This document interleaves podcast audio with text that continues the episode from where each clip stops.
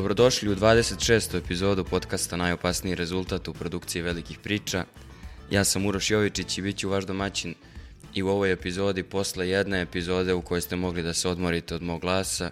On je sad nešto dublji, što bi rekao Miho, nešto seksipilniji i u svakom slučaju će se potruditi da vas vodi kroz ovu zanimljivu epizodu u kojoj su sa mnom spomenuti Mihovil Topić iz Omiša, je, i Vladimir Novaković iz Beograda sa prebivalištem u Antwerpenu, je, gde ste momci? Je, u Antwerpenu. u Omišu. Tako je, i, i, i ti si u Omišu, dobro. Odlično. Danas ćemo pričati uh, posle jedne epizode pauze od futbala gde su Miloš i Toni, naši prvoborci, morali da se izbore sa epizodom bez moje pomoći. Danas ćemo opet pričati o futbalu i opet ćemo pričati o reprezentacijama, kao i u prethodnoj epizodi koja je bila posvećena futbalu. To narod najviše voli. E, narod, naj, dajte narodu, narod traži veselo, što bi rekli u jednoj od najboljih pesama ikad snimljenih na našem jeziku. I Raja traži veselo, tačnije. I zato ćemo pričati o tome kako je prošao žreb. E, žreb je izazvao brojne zanimljive reakcije.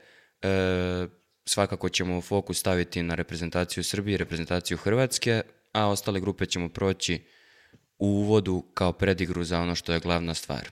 Naš zajednički poznanik i nekima drug, nekima, nekima samo poznanik, nekima nesuđeni saradnik imao je ubedljivo najbolju objavu o ovom e, žrebu ili ždrijebu, kako ko voli i kako ko kaže, na svim mogućim jezicima i na svim govornim područjima. E, taj naš drug je napisao da je samo Nemačka udba sprečila da reprezentacija Srbije bude u grupi sa Hrvatskom i Albanijom, što je bilo vrlo viđeno i izvesno i to zbog toga što im se nije prekovremeno radilo u junu i julu. Ovim putem ga pozdravljamo i nadamo se da će se možda uključiti u rad velike priča i u rad ovog podcasta, a mi ćemo da se bacimo sada na, na priču o, o žrebu. Ajde ovako prvo ukratko i uopšteno, bukvalno po minut, ono, kao, da mi kažete utisak generalno o žrebu. Može Miho da krene. Kako ti deluju grupe, onako kad baciš pogled odokativna metoda, što bi rekao. Znaš šta, djeluju mi vrlo nostalgično, jer bude u meni nostalgiju za Eurom sa 16 e, reprezentacije. znači, kad god pogledam, evo, recimo ova hrvatska skupina, pogledaš Hrvatska, ok, dobra reprezentacija, solidna, bile boljih, bile loših, ali onda je s njom Španjolska, još jedna solidna reprezentacija, onda Italija, onda vidiš tu će biti nekog i čepušanja, tu će biti nečega i Albanija ono, svako može razbi zube, svako može biti nešto. I shvatiš da je to debelo najjača ta skupina, odnosno ajde, među najjačima, shvatiš da ono, da ladno ti imaš e, skupine Njemačka, Švicarska, Škotska i Mađarska i da će tu proći dva, pa možda i tri. I shvatiš, pa jebote, ili stvarno opet moramo gledati od četvr finale nadalje, ili ne može ta grupa biti zanimljiva. Eto. Dobro, čak, čak ta grupa, ja je ne bi ni pocenjivao, meni je ipak ova Belgijska... grupa E, gde su, gde su Belgija, Rumunija, Slovačka i da li će biti Bosna, ko će biti, nadamo se da će biti Bosna, jel? E, stvarno onako deluje sumanuto. E, Rumunija i Slovačka, ok, Rumun, Rumuni su pocenjeni, to ćemo, kroz to ćemo proći, ali Belgija je onako na, na silaznoj putanji, što bi rekli, disfunkcionalna reprezentacija, kako smo je krstili u prethodnoj futbolskoj epizodi. Ove dve ekipe i jedna ekipa iz, iz baraža, ta grupa je stvarno ispod nivoa, ta grupa mi je slabija od nekih grupa u, u Ligi nacija. Da ne pričamo o tome da je, da je ova nova Liga nacija i novi sistem, to je spomenuto, vi ste spomenuli to sinoć baš u, u epizodi na ovoj tribininog podcasta, više liči na evropsko prvenstvo nego što će liči, što, što liči evropsko pa, prvenstvo samo. Logično, lo, logično da više liči kad ima 16 timova. Ima ih tačno pa, koliko treba kažem, da ih da. bude, da. I, I kad pogledaš ovako, stvarno je i za Srbiju i za Hrvatsku moglo da bude bolje, realno, obe ekipe su mogle da dobiju bolji žreb, ali su mogli i ozbiljno da nagrabu se. Ja nisam siguran da je ova kombinacija baš najteža moguća za Hrvatsku i pričat ćemo o tome još kasnije. Hajde da krenemo onda od, od redom, da, da prođemo na ukratko ove četiri grupe u kojima nisu uh, Srbija i Hrvatska, pa ćemo onda da se fokusiramo na, na te dve grupe. Prva grupa, ja sam je u šali, pošto sam radio live na nedeljniku, bilo mi je zadovoljstvo da poredim voditelje ovog žreba i onog gde je bila Heidi Klum i tako dalje. I onda sam se bavio više pop kulturnim nego futbolskim stvarima I, I više od ovog pinta mi je muka, iskreno. Postoji samo jedan pinto i to je Joao. Ovaj je lažni i, i počinje da me nervira, iako ga neke naše kolege vole. I onda sam u tom live-u nazvao ovu grupu A grupom centralnih sila, otprilike. Tako je krenulo. Kad su krenuli da izlače, moglo je vrlo lako da se poklopi. Neke druge grupe su više slične drugom svetskom ratu nego prvom. Ali hajde, ova prva grupa Nemačka, Mađarska, Škotska i Švajcarska. Hajde, Vlado, da mi kažeš šta misliš o ove druge dve, o Škotskoj i Švajcarskoj, a Mihoć o Nemačkoj i Mađarskoj. Ja generalno mislim da su sva ova tri tima, osim Nemačke, ekstremno neprijatna tima za izvlačenje i oni su baš ono što je Miho opisao kada je opisivao selekciju Albanije, E, problem je samo što ih ima mnogo u jednoj grupi, ovaj, tako da, da će malo manjkati objektivnim kvalitetom i zapravo je tu najveće pitanje kako će biti Nemačka. E, što se Škota tiče, videli smo, škotska reprezentacija prvo ima odličnog selektora, drugo ima, e, za razliku od one Škotske koja je pobedila u Beogradu i plasirala se na Euro 2020, e, ovaj tim zapravo ima neke dobre futbalere ne, ne zavise više od, od situacije gde su im dva najbolje igrača ubedljivo dva leva beka, pa ne znaju šta da rade sa njima e, i moraju da, da, da izmišljaju nekakve ove, alternativne taktike da ih uklope, nego sada imamo Megina koji je ozbiljno ime u e, timu koji je u top 4 u premier ligi, imamo Mektominija koji je pronašao sebe s tim što za razliku od klubskog e, trenera reprezentativni i kako zna kako da ga koristi na najbolji način. I tu još čitav niz futbolera koji su uspeli da se probiju u premier ligu, tako da se čini da je ona duga uspavanka za Škotsku gotova i da to može da bude jedan uh, tim koji, ako bi se konačno plasirao, pošto Škotska ima to uh, taj svetski rekord od 11 turnira, uh, što svetski, što evropski prvenstva bez prolaska grupe, ove, ako konačno odu dalje, ne deluju mi kao neko ko će biti E, strašno loš u, u, u toj drugoj fazi, mada će naravno biti outsideri. Što se švajcaraca tiče, čini mi se da, da je konačno došao taj trenutak da, da, da, da krenu nadole. Imali su pet sjajnih turnira, konstantno, konačno. konstantno plasiranje u, u dalje faze i sve to, ali s jedne strane najbolji igrači su im sada već onako u godinama i ja očekujem da će e, bar jedan od njih, mislim na Džaku, proći kroz jednu vrlo dramatičnu sezonu u kojoj pretpostavljam da će do samoga kraja da maltretira Bayern, nadamo se i da ga izmaltretira do kraja i da mu uzme titulu, ali će to svakako ostaviti trag na njegovoj svežini.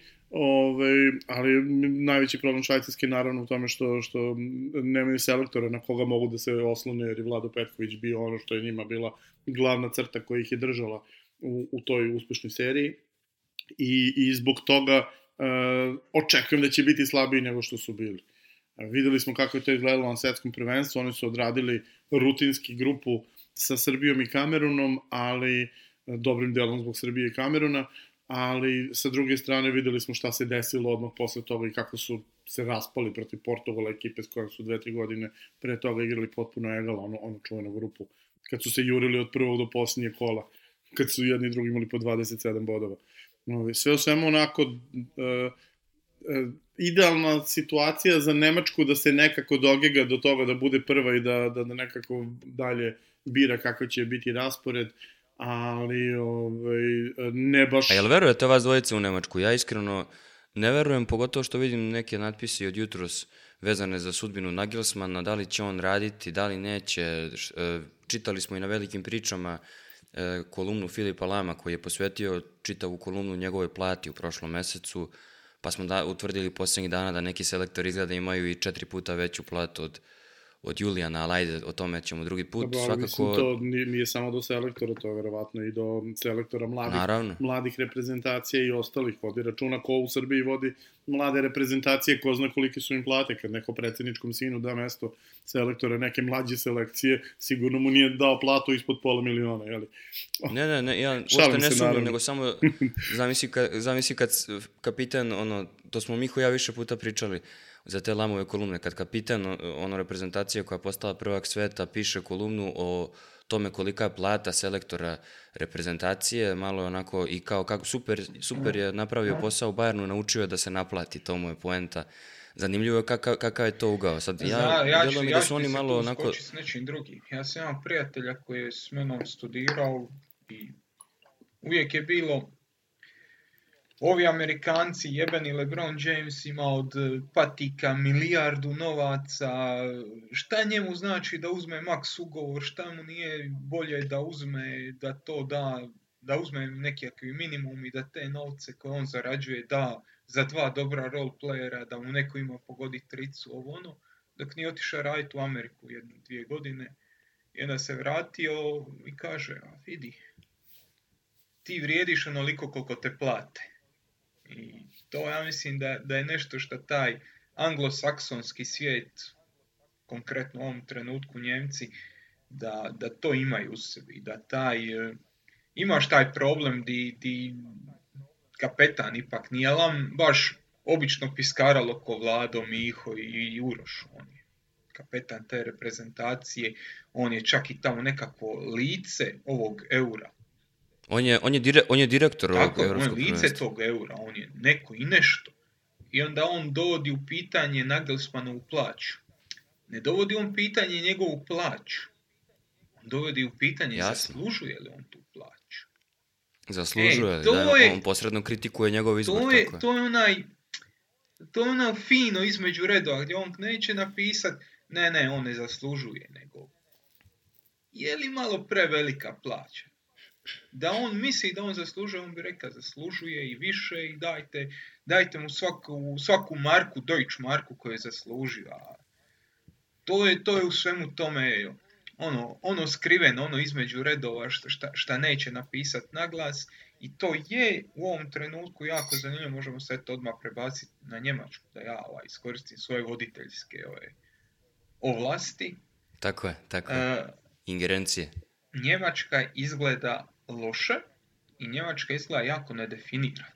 Ovo što Nagelsmann radi, to možda ima nekog smisla i ima neke logike, ali nemaš ni vremena, ni mjesta, ni, ni, ni, ni resursa koji ti trebaju da to igraš i to bi u nekakvom Bayernu sa Havertzom na, na nekom wingbacku, sa, sa tim fluidnim nekakvim formacijama, to bi možda i moglo funkcionirati. Vjerojatno ne bi ni tamo, ali prodao bi, prodao bi jednog igrača, doveo drugog, nekako bi to zavrtio.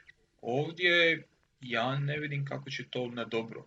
On mora resetirati priču prema osnovama, a on je takav trener da, da nije trener osnova, on nije trener 4-2-3-1, probit ćemo stranu, zavrnut ćemo kazneni, pa šta Bog daj sreća junačka. On je ti mi se pomakni dva metra lijevo, a ako se tamo suparnik pomakne tu, onda ti ovo, ako... Znaš, Da, to se u reprezentativnom futbolu generalno nije uvek pokazalo kao dobra nije stvar. se nikad, Pogotovo što ne provodiš nije dovoljno... se nikad Da, pokazalo. ne provodiš, pa nisam teo baš, uvijek. nisam teo baš da budem isk- isključiv. Zato što provodiš malo vremena s tim igračima, oni treba da se prilagode, ne igraju oni svi zajedno, iako dobar deo te reprezentacije igra ili ima iskustvo iz istog tima, jel? iz iste lige svakako, ali Vlada je recimo veliki fan nemačke reprezentacije. Ja mislim kad sam ga upoznao da je imao dres nemačke reprezentacije na sebi. Na terasi e, bivše njegove firme i zanima me sad, Vlado, kako tebi kao navijaču, pa će Miho da se vrati na Mađare, kako tebi kao nekom ko poštuje i vrlo ceni istorijski gledano nemački futbal deluje ova reprezentacija, je li ispod svakog nivoa? Evo ovako imam dresove tri nemačke reprezentacije koje su bile prvaci sveta, sve osim ove poslednje. Dakle, 54, Mhm. 74, 90. E, Pitaću Lama da ti obezbedi onda dres Ako od- može. od ove posle. Ovaj, e, znaš kako, e, Nemačka je 2006. bila domaćin svetskog prvenstva i nije, nije ličila bukvalno ni na šta u pripremama. Ne mislim na, ne pred turnir, nego generalno pre toga. Na tri prethodna turnira su podbacili, Hrvatska ih izbacila 98. Nisu prošli grupu 2000. Nisu prošli grupu, igrali su nerešeno s Letonijom 2004. I između su imali onaj čudni e, plasman u finale koji nikome nije bio jasan kako se dogodio, pa ni njima samima, gde su ih Brazilci ošamarali na početku utakmice i završili. E, I onda, je, kad je počeo turnir, odjednom je sve kliknulo. Tako da to je stvar koja meni onako budi malo ovaj, mo mogućnost, pa možemo reći i optimizma, da može da se desi nešto kako treba. Ako pogledamo na šta liči Nemačka stvarno od 2018. na ovu stranu, dakle, od, od trenutka kada im je Čuki Lozano beše zabio za 1-0 u prvoj utekmici za Meksiko, do danas ja nisam vidio Nemačku da odigrala poštenu utekmicu. Ali pazi, onda, onda sledeću igraju sa Šveđanima, je tako? I, kroz daje onaj gol. U 105. minutu iz nemoguće što bi trebalo da, da, da, da, što bi trebalo da, da ih povratim, je ne, tamo? katastrofa, i onda ono već u sledećoj... Da, da, ali ono... mislim sve, nije, nije tu čak pitanje ni pojedinačnih utakmica. Ubili su nego, Linekera i njegovu omiljenu rečenicu nego, nego bukvalno 2018. godina, jun, 2023. decembar, mi nismo videli dobru utakmicu nemačke reprezentacije.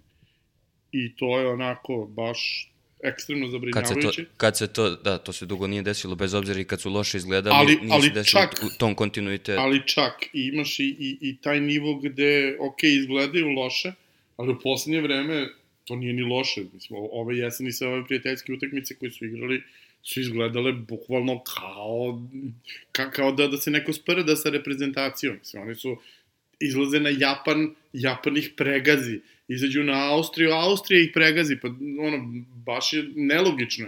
Nije, nije nije nešto... Istorijski je nelogično da ih Austrija pregazi, jel? Za početak. Ove, da. da, vratili su, im, vratili su im za 1866. Ove, da, malo je, malo je onako, mada da, vidi, biraju, biraju za, za protivnike samo Japance, Austrijance, sledeće je verovatno Italija. Nema slučajnosti, ja bih rekao. e sad, da, da se prebacimo na Mađare, koji su četvrti tim iz te grupe i koji su bili u grupi sa Srbijom i to je verovatno učinilo da izgledaju 20-30% bolje nego što zapravo izgledaju. Uh, E, ja ih ne bih pocenio daleko od toga, niti mislim, slabije su mi nekako u, u nekim projekcijama od, od Škota, manje im šanse daje malo nego Škotima, ali imaju tog igrača koji, koji je čudo i ko, čiji smo Miho i ja provereni fanovi, ja dokazam tekstom, ljubavnim pismom koje sam mu napisao na velikim pričama, mislim da ga je vlada gotivi, ali nije, nije se izjašnjavao do sada, ali misliš Miho da može... Nije izašao iz ormara još uvijek. Tako je. Jel misliš da Dominik može da povuče ekipu da naprave čudo pa da izbore možda to treće mesto? Uh, I ima li, ima li ta mađarska vrednost neku da ti kažeš idu na turnir i sad ćemo mi da sednemo da gledamo Mađari i bit će zabavno? Ili neće u biti ni zabavno? Ja bih rekao da ima, ima mogućnost uhvatiti drugo, treće mjesto kako god. Šta se događa? Događa se Njemačko koje vladu priča dosta pozitivno, odnosno optimistično, optimistična je prava riječ. I da, ja se sa Vladom slažem u puno toga, osim u tome što ja nemam optimizam baš takav, jer teško se momčadima, ajde, ajde da se vratimo još baš davno u povijest. Tebi je prije 30, 40, 50 godina ta reprezentacija i u tim prijateljskim utakmicama značila nešto, puno teže se dolazilo do nastupa u reprezentaciji, puno teže, e, puno teže je se bilo probijat kroz te, e, kroz te rankove, a i bilo je manje utakmica reprezentacije. I onda su i te prijateljske neke imale smisla. Već dobrih 30 godina prijateljske nemaju smisla. I onda kad Njemačka ima te svoje turneje, nekom Gorecki, nekom Kimihu, nekom koji je non stop pod tim psihološkim pritiskom igre u klubu, nije se baš lako prešaltat na to, jer zna da igra, a mislim, u, u Dalmaciji mi to kažem igra za kurac. Znači, ne igra, ne igra za nikakvu nagradu, nema taj natjecateljski moment. I tu je jedan dio razloga zašto Njemačka ne može mrku iz zemlje iščupati u zadnju godinu dana. Znači, fali ti taj natjecateljski podražaj, fali ti to da ti u tu utakmicu ulaziš s nekom težinom, da igraš za nešto. I kad dođe euro, to će se vjerojatno promijeniti donekle. Ali šta Njemačku po, mojom, po mom mišljenju najviše muči? Činjenica da nije kompatibilna. Nemaš ti sve sastojke, pa samo oni trebaju kliknuti ti imaš neke jako dobre sastojke, imaš neke jako dobre pozicije, dovoljno kompatibilne, a onda nemaš lijevog beka, a onda nemaš desnog beka, A onda ako spustiš Kimiha dolje na desnog beka, ajde to si riješio, ali ti onda nedostaje to ni kroz u sredini, nedostaje ti ta karika. Onda ajde ako i namoliš nešto sa to s Gundoganom, okreni, obrni, zavrti, nemaš ideju kako ćeš posložiti napad, hoćeš ići sa, hoćeš ići sa Filkrgom, hoćeš ići sa, sa Havercom, stoperi su ti u najmanju ruku upitni i tako onda kad kreneš slagat imaš puno toga šta možeš prilagoditi, ali imaš te neke očite rupe koje moraš zakrpati. E, baš... Zbog, zbog ovog da, da, zbog, zbog ovog sistema takmičenja ja neću tražiti od vas ono što inače volim, da radimo neke projekcije. Pitaću vas samo šta mislite, jel može Nemačka da osvoji grupu, znači jel može da bude prva? Može. Ja mislim... Mislim, može, ja naravno, mislim ali, da, ali da je bi pitanje... u njih e, neuspjeh bio to da ne osvoje grupu. Znači, od njih se očekuje ovdje Vlado, sam slažeš se? bodova, minimalno. Pa, znaš, tebi i pet bodova može biti dovoljno za osvajanje grupe u ovakvom rasporedu sa ovakvim protivnicima, tako da ne, ne vidim što ne bi mogli, pogotovo što od ova tri zaista ne možemo da kažemo da je neki wow bolji od ostalih. Dakle, lako može se Da, desiti da, da. oni međusobno izdele bodove, znamo da švajcarci vole da igraju nerešeno na velikim turnirima, Mađari takođe, ovi Škoti takođe, ove, a, vidi, mislim, nije stvar Mađarske Srbija. Mađarska je na prošlom evropskom prvenstvu imala Ne, ne, gađao sam, s- s- kad si rekao švajcarci vole da igraju da, nerešeno na Pa velikim i- takmičenjima. Oni vole i sa Srbijom, ali se Srbija svaki put ponudi. Ne delimo ništa s njima, Ništa. ni, bo, ni bodove. E, Mađari, kako se zove, su na, na prošlom evropskom prvenstvu igrali u grupi sa Francuskom, Portugalom i Nemačkom, uzeli dva boda i glupo izgubili tu jednu utakmicu u poslednjih 7 minuta. Tako da nije, nije da, da, da su limitirani na, na, mislim, oni jesu limitirani na mnogo načina, zato što jednostavno nemaju dovoljno igrača visoke klase. Ali mislim da jako dobro to kriju i, i, i zato kažem, ovo će biti jako interesantna takmičarska grupa, jer osim Nemačke, sve ostale tri reprezentacije su ekstremno takmičarske reprezentacije. Sve su bolja, švajcarci u onoj boljoj varijanti kada, kada su zaista bili u, u on, na, na, top nivou ovoga tima, a ove dve, čini mi se i sada, su mnogo bolji zbir nego što su im sastojci, za razliku od Nemaca za koji smo konstatovali da su sve suprotni. Dobro, a grupu smo apsolvirali, što se kaže, idemo na grupu D, preskočit ćemo ove dve naše. U grupi D su Francuska, Austrija, Holandija i pobednik baraža, mislim da je to staza A. M, ja ne bih da se bavimo pretarano ovim u ove tri grupe timovima koji će doći iz baraža, jer to je stvarno ono predugačak štap, moramo 12 timova da prođemo koji, koji će potencijalno igrati kad prođe to sve u martu, kad se Sale Ibrulj javi da učestvuje u podcastu i da pohvali svoju reprezentaciju što se plasirala na evropsko prvenstvo, tad ćemo njima posvetiti pažnju. Hajde ove tri da, da uzmemo u obzir. E, Francuska je, rekao bih, favorit za, za osvajanje ove grupe bez, bez puno problema i mislim da je ona realno jedna od dve ili tri najbolje ekipe na turniru. E, Austrija, rekao bih da ima onako pozitivan trend kad je njihova igra u pitanju da, da je to lako prepoznatljivo, a kako vidite Holandiju? Ajde, krenemo od Holandije. Miho, kako ti vidiš Holandiju i njene šanse u ovoj grupi? Pa, relativno pozitivno, jer ja mislim da je Francuska daleko najbolja momčad današnjice u reprezentativnom svijetu, da oni imaju najviše igrača i da su najkompatibilniji ti igrači. Što to znači? To znači, staćemo u 4-4-2, imat ćemo naprijed koga god imamo, ali znamo kako ćemo igrati. Gurat ćemo Mbappé u prostor. I sve ćemo vrtiti oko toga. Koliko ta kompatibilnost znači, možda je najbolji primjer baš Francuska. Kad je Francuska igrala sa uh, Mbappéom i uh, Benzemom naprijed, pa to nije baš izgledalo najbolje. To izgledalo kao da nedostaje kemije, odnosno nedostaje načina da njih dvojica dijele onaj volumen na koji su navikli. Jedan i drugi su navikli Hijerarhija, I mi- hijerarhija nedostaje. tako. je. Tako je. I mi članovi sekte bismo rekli nedostaje Olivier Giroud. E, i onda dođe u, u Olivier Giroud. podeli uloga. I Olivier Giroud s tim Mbappéom izgleda ko, ko, ko jedno tijelo. Donosi točno ono što treba. Donosi to da će zadržati stopere, da će ih pritisni, da će ih razvući, da će ih prebiti. Donosi to da će odigrati obranu umjesto Mbappéa i donosi to da je s njim, iako je loši igrač od Karima Banzeme, s njim igra bolja. Sad možemo se vratiti na Njemačku i na sve ove probleme koje smo govorili, ali kod Francuske su te stvari jasne i vrlo precizno po poslušane.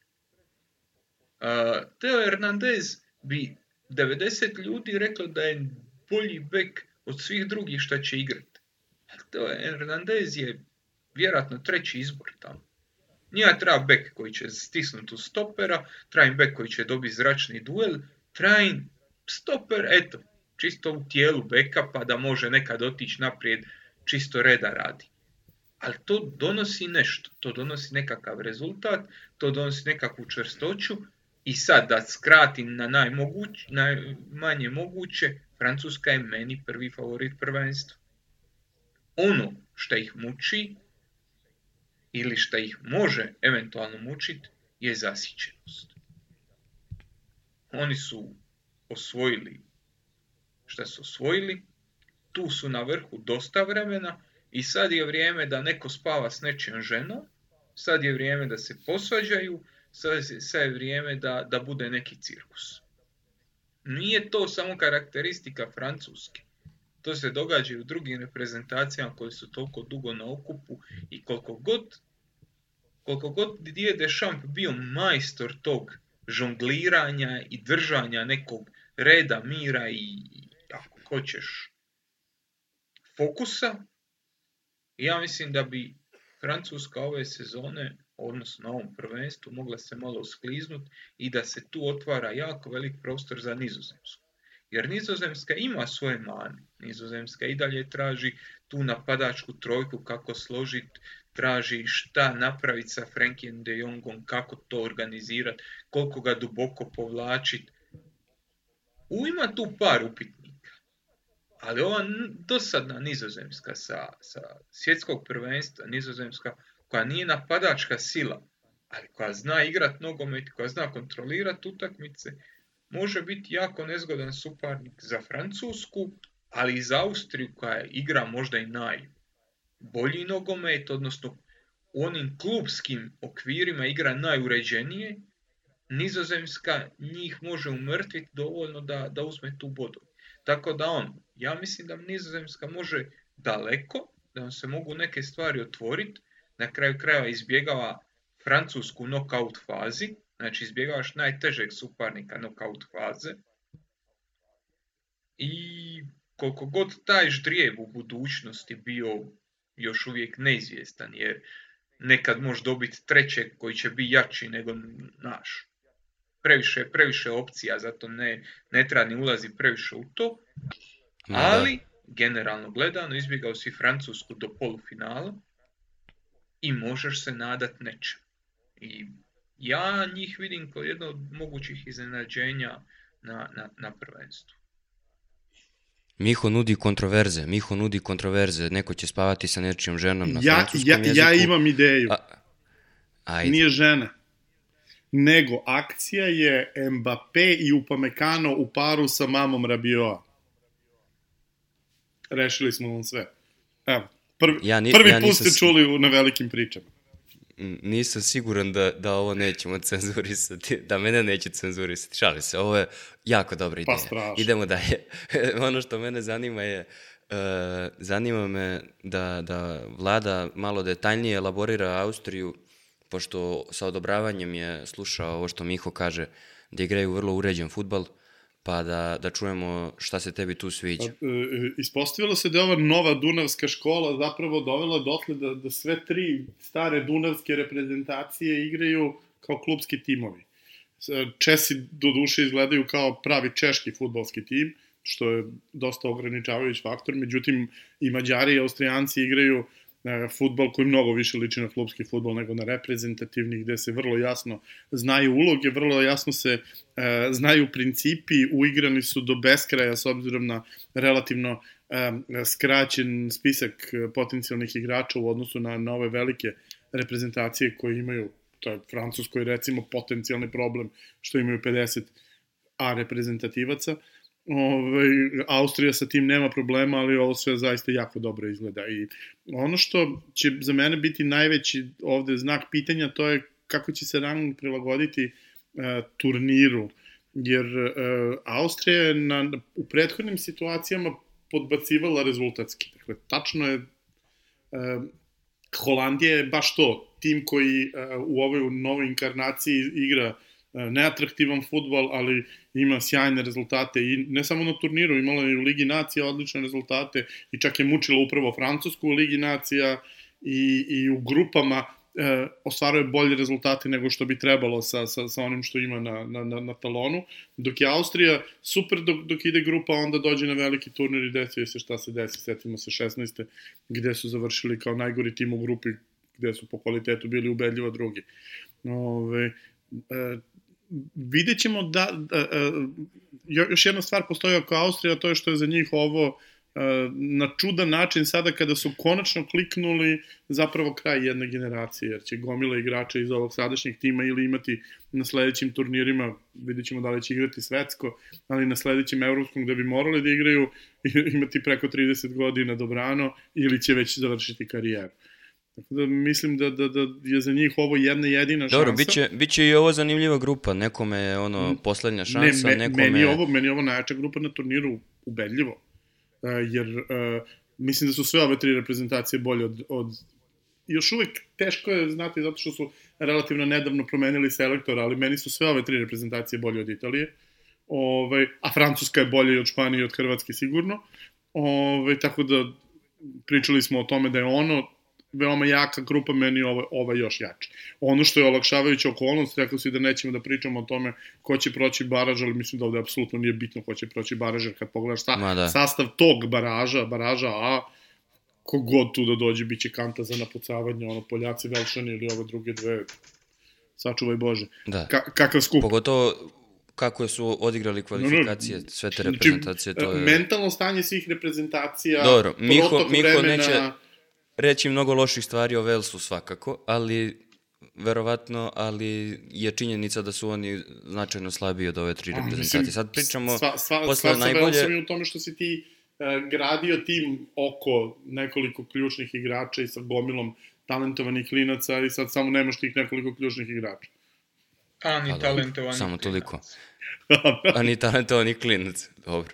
E sad, posle najjače pričamo o sigurno najslabijoj grupi i preko nje ćemo pretrčati iz dva razloga. Prvo, zato što bih preporučio ljudima da pročitaju uh, vladinu analizu uh, žreba za, za evropsko prvenstvo na sajtu Velikih priča. Drugo, da pročitaju njegov tekst o Pixiju u kome se takođe negde dotakao rumunske reprezentacije i da vam najavim da ćete o Rumunima čitati na sajtu Velikih priča u narednom periodu. Pored Rumuna u grupi E su Slovaci i Belgijanci. Miho i ja smo u prethodnoj epizodi naširoko pričali o tome kako je Belgija, recimo, da je dopala Srbiju u grupu, kako bi ona bila idealna šansa da Srbija ono preokrene karmu i čitavu situaciju u, u, na prvenstvu i generalno situaciju oko reprezentacije, jer to je jedna od onih reprezentacija koja je vrlo cenjena i dalje je deo prvog pota, ali bi mogla da, da bude topovsko meso nekome kome bude dan, a njima ne bude dan. E sad, samo ću pitati kratko vladu za ovu grupu E, kakva su očekivanja u Belgiji, pošto si ti tu na izvoru, kakva su, kakvi su njihovi komentari grupe i kakva su očekivanja? Svi su redom odgovorili da je najlakša moguća grupa i da su dobili raspored koji je apsolutno idealan i apsolutno nema, ne bih imao šta da, da, da dodam na to. Jednostavno, grupa je takva da Belgija mora da je osvoji. Ove, jedina zapravo opasnost je ako Ukrajina prođe grupu, jer Ukrajina može da bude nezgodna Belgijancima zbog tipa reprezentacije koju imaju. Ja generalno i verujem u to da će oni da, da, da, da, da prođu iz, iz tog B ovaj, puta. Tako da ne, ne verujem da ćemo Saleta ovaj, dočekati sa dobro nam došao na turnir, jer mislim da su jednostavno prekvalitetni. Um, jednostavno protivnici koje su dobili su onako uh, uh, veoma limitirani svaki za sebe. Uh, Rumuni su interesantni, Slovaci nisu toliko interesantni, ali su jako dobri, oni su baš onako prototipna reprezentacija, šta imaju, super stoje nazad, super koriste prekide, vataju na kontra i šutiraju za 25 metara. Sve, sve ostalo praktično je onako vrlo, vrlo limitirano, ali dosta su dobri u tome. Slovačka ima dobre golmane i to ne jednoga, Slovačka ima dobre štopere i to ne jednoga. I, i, i e, začudo njihovi napadači koji generalno u klubovima nisu baš prolific scorer su reprezentaciji, boga mi jesu, imaju jako dobro, bar dvojice imaju veliki broj ovaj, golova datih, plus sada imaju nešto što nikada ranije nisu imali, bar 20 godina nazad, a to je Lobotku koji je stvarno onako fenomen od futbolera i e, e, mo, grupa će biti zabavna u smislu ko će otići dalje sa, sa, sa Belgijom, ali Belgija ne sme sebi da dozvoli jednostavno mnogo je velika razlika, mnogo je veliki jaz. Ali ja, ja e, se s jednom stvari ne bih složio sa vama, e, Belgija nije na kraju priče, mislim da je Belgija sada već na početku priče. Ova reprezentacija sada koja će otići e, sa drugim selektorom, sa, sa drugim mentalitetom, a i boga mi sa povelikim delom drugog igračkog kadra, ja očekujem bar 10-12 igrača koji ili nisu igrali 20, 22 ili su imali jako malo minutažu 22. Ove, I mislim da je to početak nečega što neće biti nova go, zlatna generacija, ali je čini mi se onako kompetitivniji i neprijatniji tim u odnosu na, na, na, na kvalitet. Jer Belgija je imala fantastičan kvalitet, često bila i na papiru bolja od manje više svih s kojima igra, ali na terenu nije bila toliko kompetitivna, ispadala od Velsa, ispala lagano od Francuske, u vreme kad Francuska još nije bila ni blizu ovoga sada, uh, ispadalo od, od Argentine, kad takođe Argentina nije bila ni blizu ovoga sada, i ovaj, mislim da, da, da, da će ovi klinci novi da, da donesu dosta toga kada jednom budu kliknuli. Mislim da se gradi jedna fantastična grupa igrača na sredini terena uh, sa Onanom, sa ovaj, uh, Arturom uh, Vermerenom i potencijalno sa Mangalom koji bi trebalo bar to neko kratko vreme da budu iza leđa Kevina. Mogu ja, mogu ja, Dragi jed, mogu ja jednu ključnu tu riječ reći. Gradi se. Može. Da, da. Gradi ne, ne, u ovom trenutku oni ni, nisu ni blizu toga. Dakle, oni su sada tu na, na dnu. Nego, hoću da kažem, nisu na dnu kao 22 pikirajući da, da, da, ka da. zemlji, nego su sad krenuli da, da, nije, gde nije, treba. Nije negativan smjer, ali... Da, da.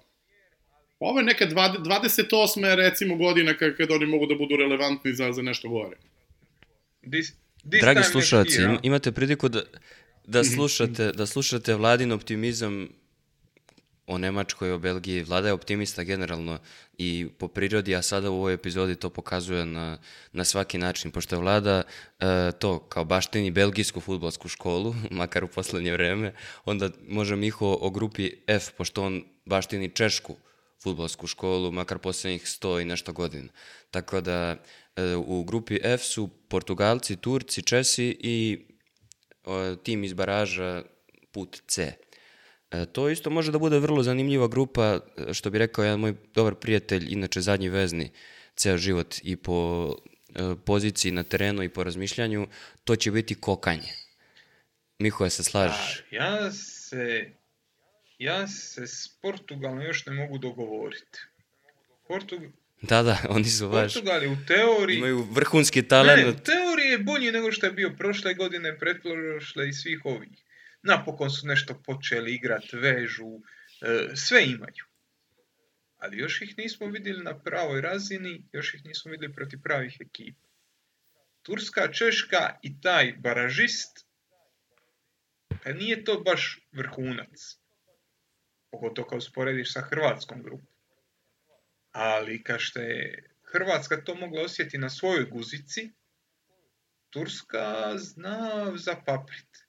Ova Turska, radna Turska, Turska koja se ne oslanja na e, fantazista Fenerbahčea kojem je negdje tamo u kadetima, svi su mu rekli da je talenat i on je sa 18 godina osigurao ugovor od 5-6 milijuna eura, nego ima situaciju da je ta, srce te momčadi taj zadnji vezni, da je srce te momčadi u obrani, da grizu svih 90 minuta i da znaju izgleda stvarno jako, jako dobro. Kad se susretneš tako momčadi, a Portugal si, ti možeš samo izgubiti. Pobjeda se podrazumijeva, prolazak grupe s prvog mjesta se podrazumijeva, a ni Češka ni Turska nisu baš šetnica. I mi ćemo još ostati zakinuti za to je li Portugal real deal, to ćemo to otkriti tek u drugoj fazi i Portugal će gotovo pa sigurno proći kroz grupu. Ali meni je jako zanimljiva i Turska i Češka u kontekstu toga da tom novom lepršavom razigranom Portugalu ipak malo razbiju zub. Da, pogotovo što je Portugal umeo da prođe grupu i sa ono... Tri nerešene. Da jedva se iz... da, s tri nerešene gol razlikom nula i da bude šampion Evrope. Znači, to je tim koji... Ali rekao bih da je to malo drugačiji Portugal nego ovaj sad. E, ima tu možda i više talenta u ovom trenutku, ali kad pogledaš period karijera nekih od igrača koji su u tom sastavu, ne deluje da je ovo baš idealan tajming, ovo prvenstvo da pogađa idealan tajming za reprezentaciju Portugala. Sad kad smo prošli kroz ove grupe, realno da se prebacimo na ono što nam je, su nam dve glavne stvari, a to su grupa B i grupa C. Pričat ćemo sad o Hrvatskoj i o grupi B. Na početku smo se zezali sa tom reljinom objavom da, da je to mogla da bude grupa koja će doneti onako vrlo politički nekorektan e, nekorektnu predigru za čitavo prvenstvo sa Srbijom, Albanijom i Hrvatskom, mada već ima politički nekorektnih, nekorektnih komentara koje podsjećaju da je ovo jedna saveznička grupa iz drugog svetskog rata. U svakom slučaju... E, Španija, Španija nije pre... učestvovala u ratu. Dobro, dobro, znam. Slala je ljude, e, ali nije učestvovala. Tako je.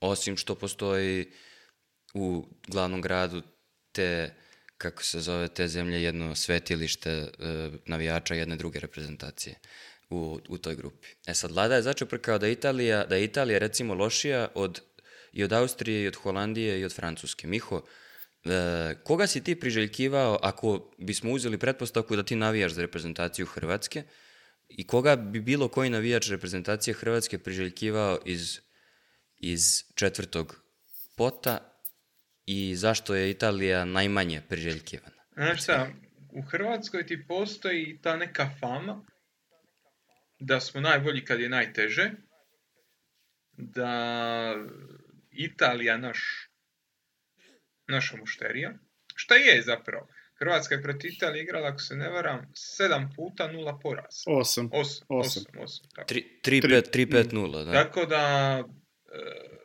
je, ljudi su na mušteriji. Di ćeš bolje od Italije? Jaka reprezentacija, nećeš i pocijenit. Ne mogu da ništa povijesno. E, bolje igrači ima. Sad kako se... Sve, sve ok, ono, sve, sve pod kontrolu. I nezanemariv broj ljudi. Neću reći da je većina, ali nezanemariv broj ljudi misli da je ono bilo izvuć e, e, Italiju, da je to dobra ideja. Ja se ne slažem, ja mislim da je to uh, loša ideja, da je bilo lakših ždrebova, ali eto, tako pao grah.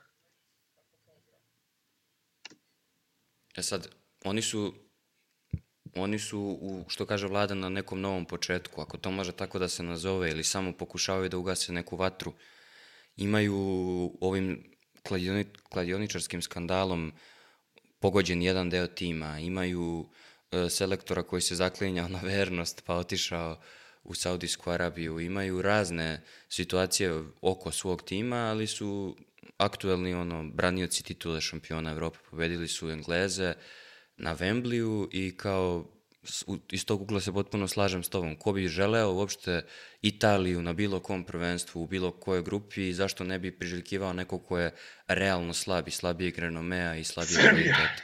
Vlado, ti kad, Tako je, na primjer. Ali bili, e, bili vlada... grupa, ne, ali sad ozbiljno, bili grupa sa Srbijom, Hrvatskom i Albanijom mogla biti izvučena. Da se završi uopšte. Ne, ne, misliš, misli li neko da, uh, da kuglica nije bila ugrijana? Sad sam teo da pitam, jel ti govoriš o grejanju ja, kuglice ili šta? Znači, ja nisam stvarno pobornik teorija zavjere, ali mislim da, da da bi nestalo struje i da bi se ždreb ponovio. I ovako su pustili taj neki seks koji se čuo kad, se, kad je izvlačen četvrti pot, tako da ko zna, možda su tako preusmerili kuglice i ove koje izvlače, ja, ali u svakom slučaju, ja, ja, ja sam mislio da će da su... biti možda polu dirigovan, što bi oni to uopšte dozvolili? Ali sad bez šale... Za, zato što niko sve, od njih nije, sve... niko od tih zemalja nije u sukobu, UEFA ima spisak ko je s kim u sukobu i ni, ne, nije ni jedna od tih... A, dobro, moram da kažem, ovo, mislim da se tako kaže i u Dalmaciji i svuda serem im su taj spisak ako Albanija i Srbija nisu u, u bilo kakvom sukobu u ovom trenu, danas, na današnji dan. Ili jučerašnji ili bilo koji, pa znam, ali brate, bilo moramo nekada da odrastemo. Ove, ne, ne, mi ja, moramo da ja odrastemo, da jedini... ne moramo odrastati na teritoriju Savezne republike Njemačke. E, to. Tako je. E, to ove, Tako je. Meni, je, ove, meni se čini da je sve ovo u stvari bila jedna ujdurma protiv potpredsednika Futbolskog saveza Srbije, koji je priželjkivo baš takvu grupu. Ove, šalu na stranu. Ove, gr... Da, pitao sam te, gru, grupa je takva, grupu takva da. kakva je. Ove, Italija je tim koji sigurno nije bio najbolji izbor iz pota D, pa mislim u potu D je Poljska potencijalno i, i pa i čak i ovaj C, ovaj kako se zove put, Gruzija, Grčka, koje su sigurno lakše opcije nego da, da, da Srbiju i, i, i ne pomenjem. Ali e, nekako mi se čini da Italija e, je tim koji ne želiš u osmini finala. Što Italija ima svoje bogato iskustvo doživljavanja raspada u grupnoj fazi takmičenja na svetskim prvenstvima posljednja dva nisu prošli grupu, uključujući ono kad ih je eliminisao ono, kad su u grupi sa Slovačkom i Novim Zelandom uspeli da ne pobede nikoga. Ove, ali kad dođu dalje, znaš da, da, da si u frci i da su potencijalni finalisti. I onda ne želiš njih u četvrt finalu, a u grupi ono bolje tada da, da, da, da vidiš šta možeš i vrlo često im se dešava da, da ispadne. Mislim da, da će grupa biti da su... A da, a da, da li je protiv Albanije, da li su svi upi, mogu da upišu napred? Miho je rekao da će oni biti tvrd orah, ali da li realno možemo da kažemo da sve ove tri ekipe mogu da upišu bodove protiv ja, Albanije? Ja mislim, ja mislim da Albanija nije imala sreće sa žrebom i da je dobila tri jako teška protivnika za sebe. Ove, da bi u mnogim drugim grupama skidali bodove vrlo lako i vrlo moguće i dobijali utakmice. Znači, jedan veoma neprijatan tim za igranje protiv i ove, imaju selektora sa kojim se odlično slažu. To je ono što, što je jako bitno, jel te? Ove, mislim da je ovo mnogo bolji tim od onoga koji je igrao 16. na prvenstvu i, i dobio jednu utakmicu. Dakle, oni su tada izvisili za koliko beše jedan gol e, da, da odu dalje kao 16. Ove, ne, ne vidim da bi imali mnogo problema da, da su uleteli u ovoj grupi sa Belgijom ili čak u ovoj portugalskoj grupi da su zamenili nekoga ovaj, iz, iz, iz njihovog ovaj, šešira da, da, da, da, da se bar ozbiljno bore. Pa čak ni, ni gore, ako se ne veram u grupi A, isto tako bi trebalo u onoj nemačkoj grupi. Mislim da, da, da bi u te, sve te tri grupe ba, baš ozbiljno konkurisali za prolazak dalje. Ove, ovaj, ovde je problem jednostavno u tome što su prejaki protivnici, mada opet e, Albanci su igrali sa Španijom, I ozbiljno su ih namučili, da. primili su gol u nadoknadi. Da, i to u 90. minutu. Da, da. vrlo, vrlo tvrdi. E, prošle, I... prošle godine je to bila do duše prijateljska utakmica. U, u, u valjda najboljem ambijentu u istoriji Španije igralo se uh, na stadionu Espanjola u Barceloni. Ja nikad nisam video da na utakmici Španije 95 minuta publika navija za Španiju. Zato što se igralo u Barceloni, ali... Ali ja bih još istaknuo i to da su igrali protiv Italije. Izgubili 3-1, kao, rekao čovjek uvjernjivo, ali sve osim uvjernjivo. E, Italijani su imali, gubili su 0-1, pa su se vratili na 1-1, a manje više slučajnim golom i onda je tu se nekako trljalo. ali veći dio utakmice, i opet pričamo o prijateljskoj, ali veći dio utakmice je ta 5-3-2 nekakva formacija većim dijelom utakmice je radila problem. Jer šta je s, Italijanima? Italijani ti kad pogledaš, tu nemaš igrača koji tu lomi ja na jedan. Njima je tada Raspadori igrao naprijed, e, igrali su sa, sa wingbackovima, znači igrali su sa tri stopera i nisu imali način kako probiti sredinu u kojoj su Albanci parkirali tri stopera, dva zadnja vezna, još jednog centralnog veznog i di su napadači stajali usku. Ti sve što možeš, možeš igrat preko bokova, a tamo imaš Di Lorenza i Di Marka. Nije neka sreća. Znaš, nije, nije baš lagano. I tu ja vidim šansu da tu Albanija napravi nešto, problem. I jednima i drugima i trećima, a pogotovo Talijanima koji na tim počnim pozicijama nemaju, nemaju dovoljno stabilnosti, odnosno, pardon, nemaju u tim centralnim zonama, bez tonalija pogotovo, nemaju neko ako može dovoljno brzo odigravati te lopte da ti stvoriš nekakvu izolaciju na krilu i da tamo probiješ. Italija presporo dolazi s jednog krila na drugo, s jedne strane na drugo. I to protiv ovakve Albanije može biti tekako velik problem.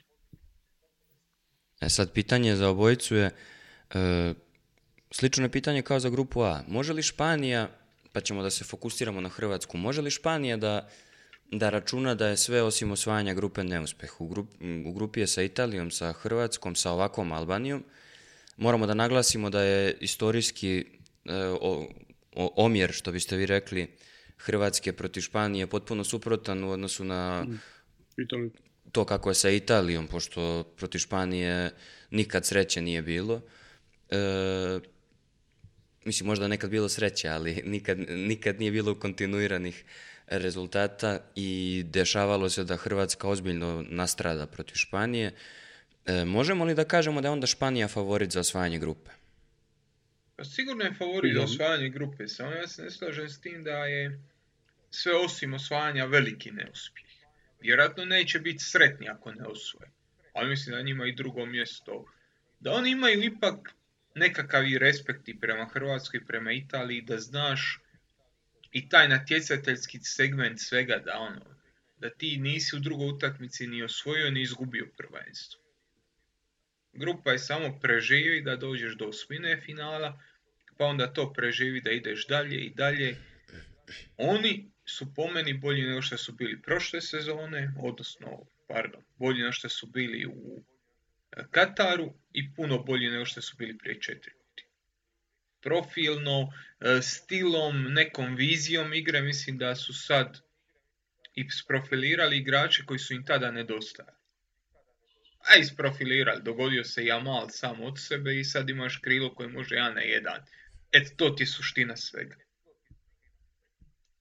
Da, Vlado, ti šta misliš o Španiji? Gdje ih ti svrstavaš? Aj kad bismo, i mimo ove grupe, kad bi trebalo da ih, da ih negde ono rangiraš, Šta bi rekao, koji su ono reprezentacije po kvalitetu na ovom prvenstvu? Ispod onog prvog nivoa iznad trećeg, znači taj drugi nivo favorit.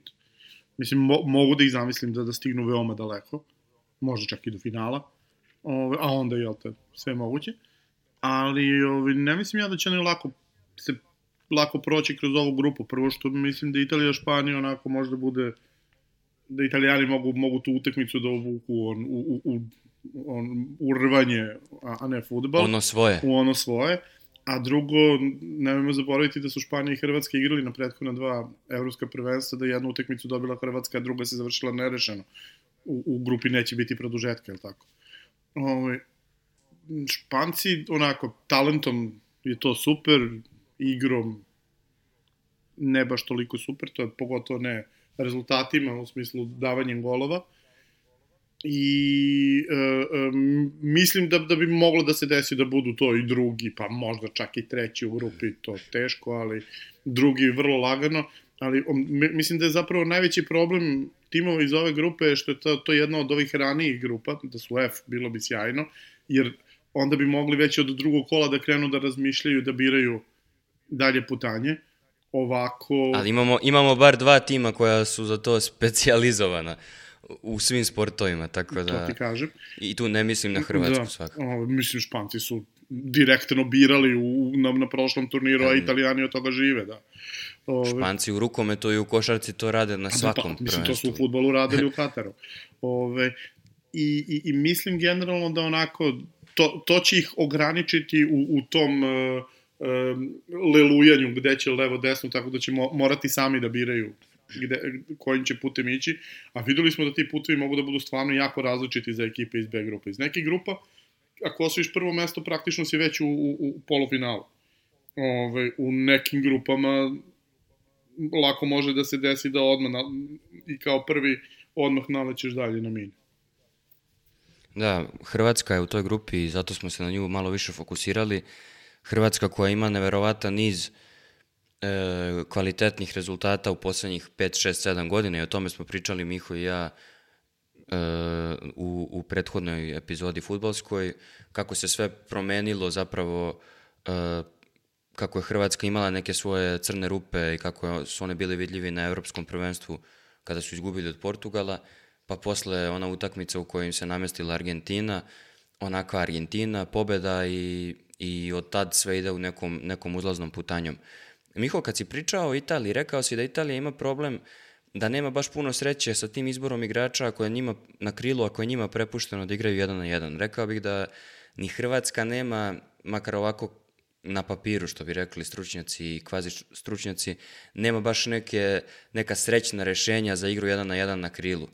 Ali deluje da sistemski može više da povredi Španiju i u tom centralnom delu, i Italiju naročito, i u tom centralnom delu, delu terena da ima i dalje svog šefa. Jel ovo e, imperativ da se prođe grupa svakako, ali jel, jel su očekivanja od, od reprezentacije s obzirom na to da je verovatno Modrić u poslednji turnir velika?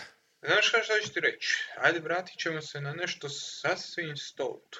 E, današnji Portugal, kakva mi imamo očekivanja od njih?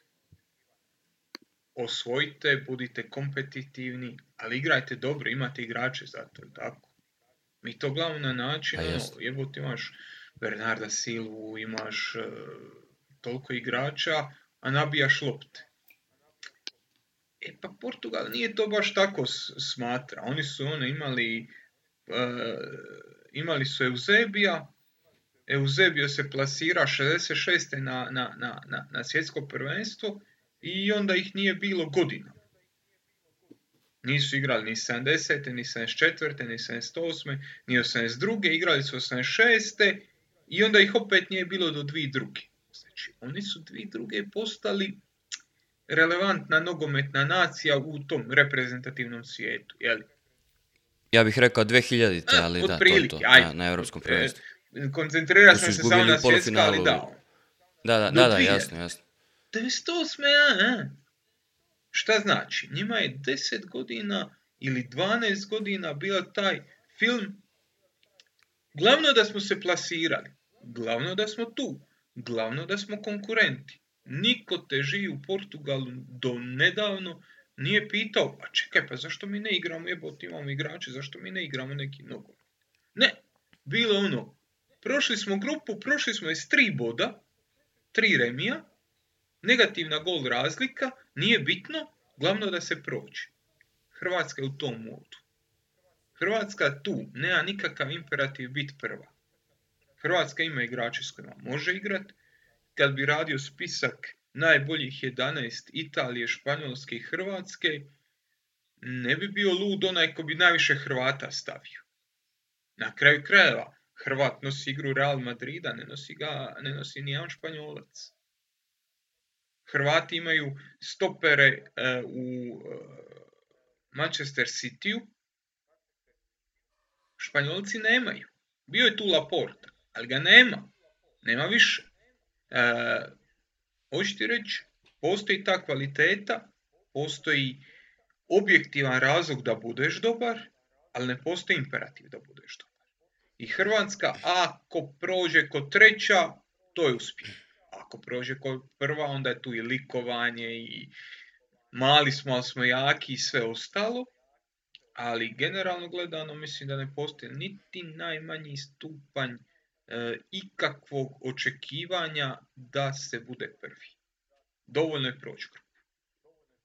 A mislim kad se prođe grupa da ne postoji jedna reprezentacija na svetu koja je toliko retardirana da poceni Hrvatsku. Jasno. Posle svega ovoga što je Hrvatska radila, u tim knockout utakmicama stvarno da neko izađe na teren i kaže, e, baš mi drago što igram protiv Hrvatske, ja ne verujem da to ni Francuzi, ni Englezi pogotovo, ali Francuzi koji su, ajde, tu smo se složili, verovatno najjača reprezentacija na turniru, ne verujem da će reći, e, daj nam Hrvati, imamo dobar skor, nema veze, ali daj nam, daj nam njih, bit će to. Osim, osim da možda se... selekcije Futbolskog saveza Srbije.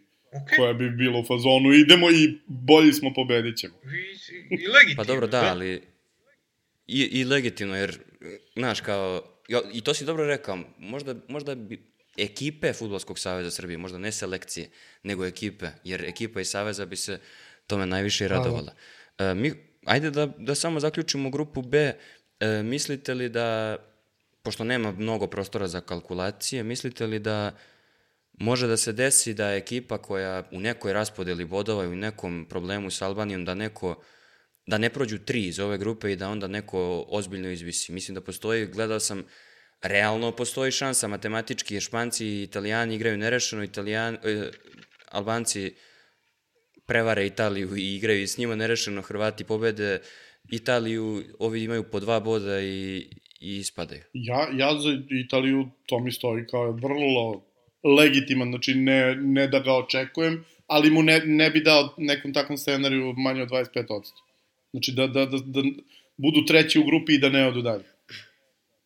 To, to, onako, baš je, crta se da možda je grupa koja je najbliža tome. Teško mi je da zamislim Španiju ili Hrvatsku da ne prođu.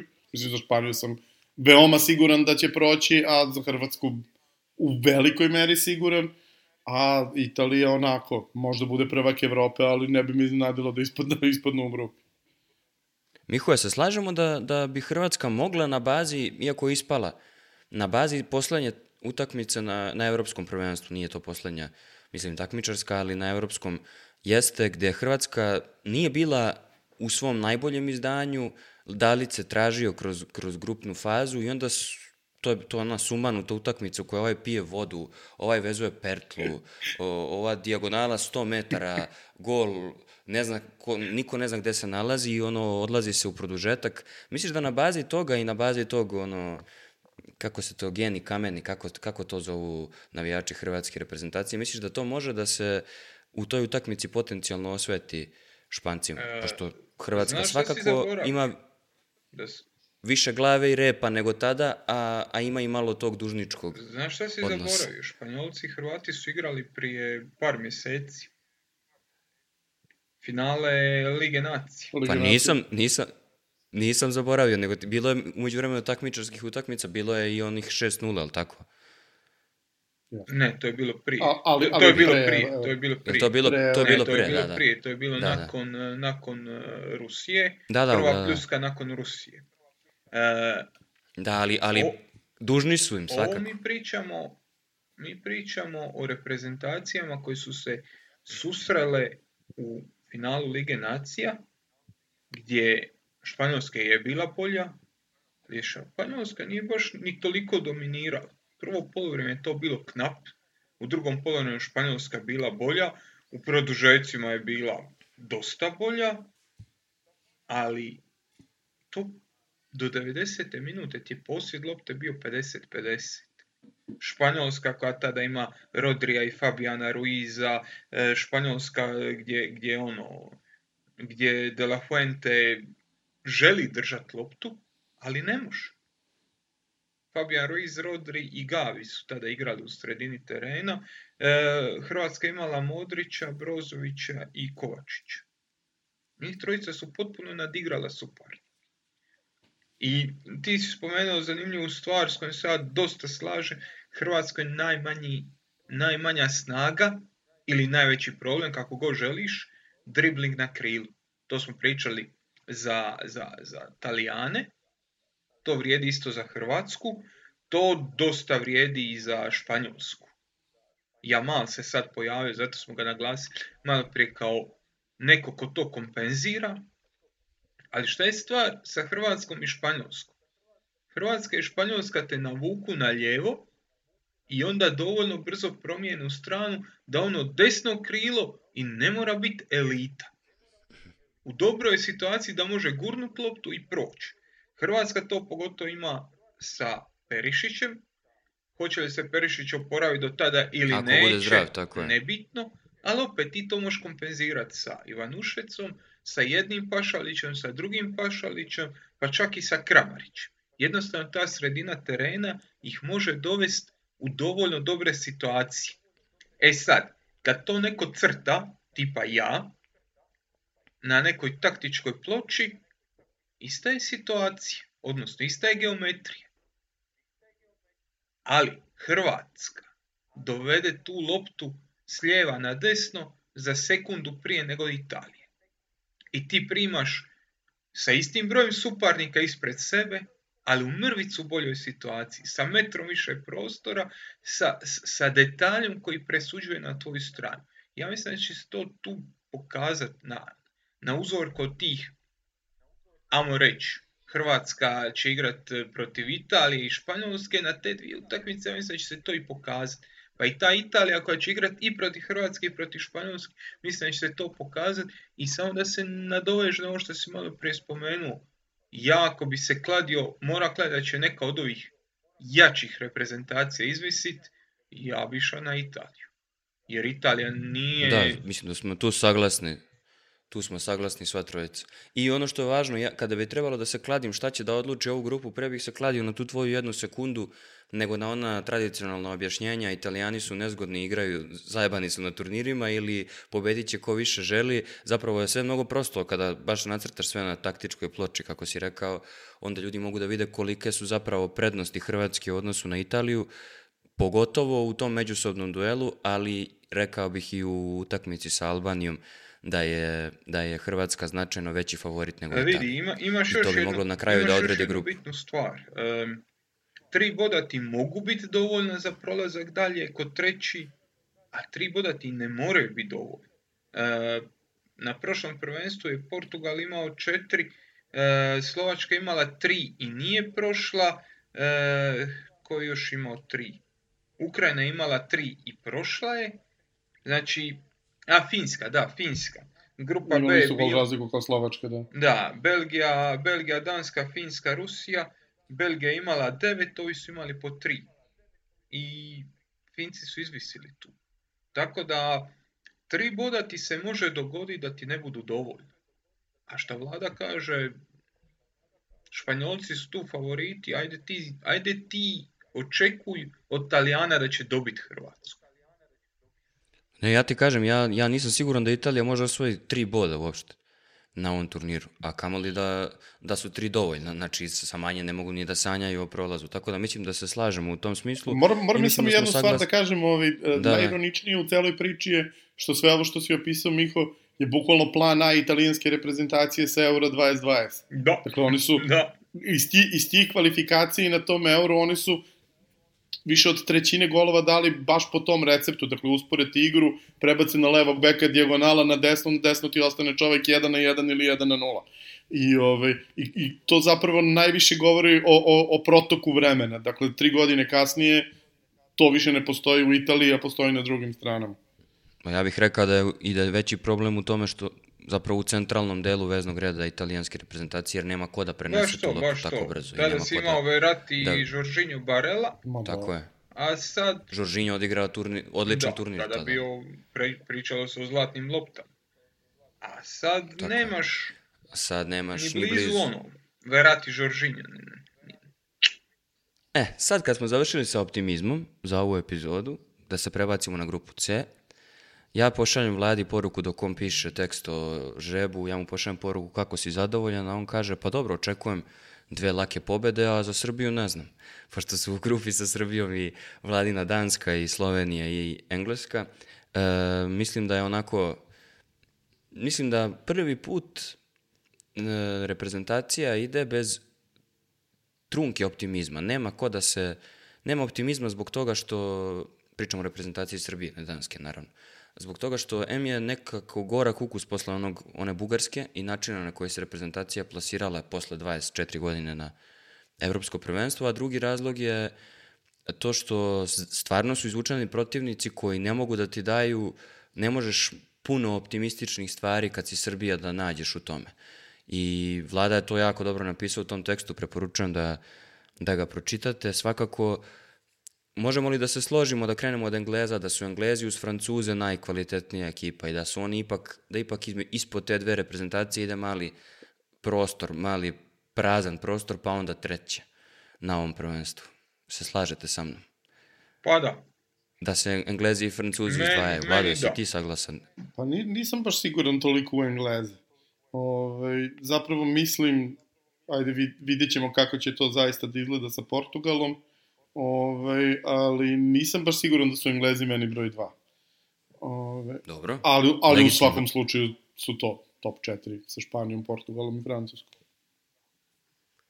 Favorit svakako za, za osvajanje ove grupe, e sad... Uh, ja, ja mislim da, krenemo... da, da su Englezi favoriti za osvajanje 9 bodova u ovoj grupi, uh, što je veoma ne engleski. E, napisao sam to u tekstu, Engleska je 25 puta od 1950 igrala četvoročlane grupe i ukupno jednom pobedila u sve tri utakmice i to je bilo 82. Ove, Čak i kad je u Rusiji izgledalo da bi to moglo kad je žreb. A pa kako, kako je moglo kad su imali Belgiju u grupi u Rusiji koja je pa, i, sa, znam, i sa C je... timom mogla da ih pobedi u tom trenutku. Ove, ma ne, mislim, to baš je bio non-starter, a drugo Englezi su tad već birali, igrali su treće kolo I, igrali su sa Belgijom kad se znalo da će otići oni jedni i drugi dalje i dotle se već lepo videlo da su raslojena dva uh, puta po ogromnoj razlici da, da, u kvalitetu, gde su jedni išli na Brazil, na Francusku, a drugi tako ove, je, tako pre Hrvatske nisu imali ozbiljnijeg protivnika. Ove, I uh, um, Engleska generalno to, nema naviku, nije, nije u Kataru pobedila sve tri utakmice u grupi, gde im je grupa, ako se sećaš, bila Iran, SAD i Wales. Tako je, na tu sam grupu ja da, da, mislio, ali ne, sam to je bila katastrofa. Ove, ka, I to, u toj utakmici sa Amerikancima nisu bili ni bolji tim. Mada su Englezi posle zaigrali zaista bolje i, i u osmini finala i to protiv Francuske su igrali dobro. E, Engleska u ovom trenutku je onako u naponu toliko što stvarno ima dva prodigija u timu, jednoga mladog i jednog starog koji igraju na vrhuncu forme ove sezone. Mislim, Harry koji konačno možda će i da osvoji neki trofej. Ove, I zaista, zaista radi sve što treba. A meni je Jude Bellingham stvarno naj, najbolji igrač na svetu u sezoni 23-24.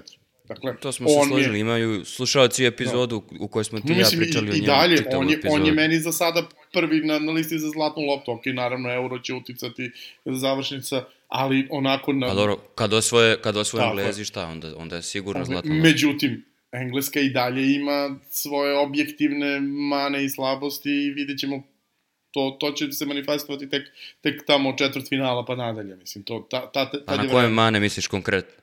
Prvo, prvo Engleska ima golmana koji nije top 150 na svetu u ovom trenutku, drugo engleski štoperi, treći engleski levi bek, mislim, ćeš da nastavi. E, znaš šta, sad si mi zasučao kao onaj Bart. E, svaki engleski tim ima dva, dva štopera buzdovana. To, to.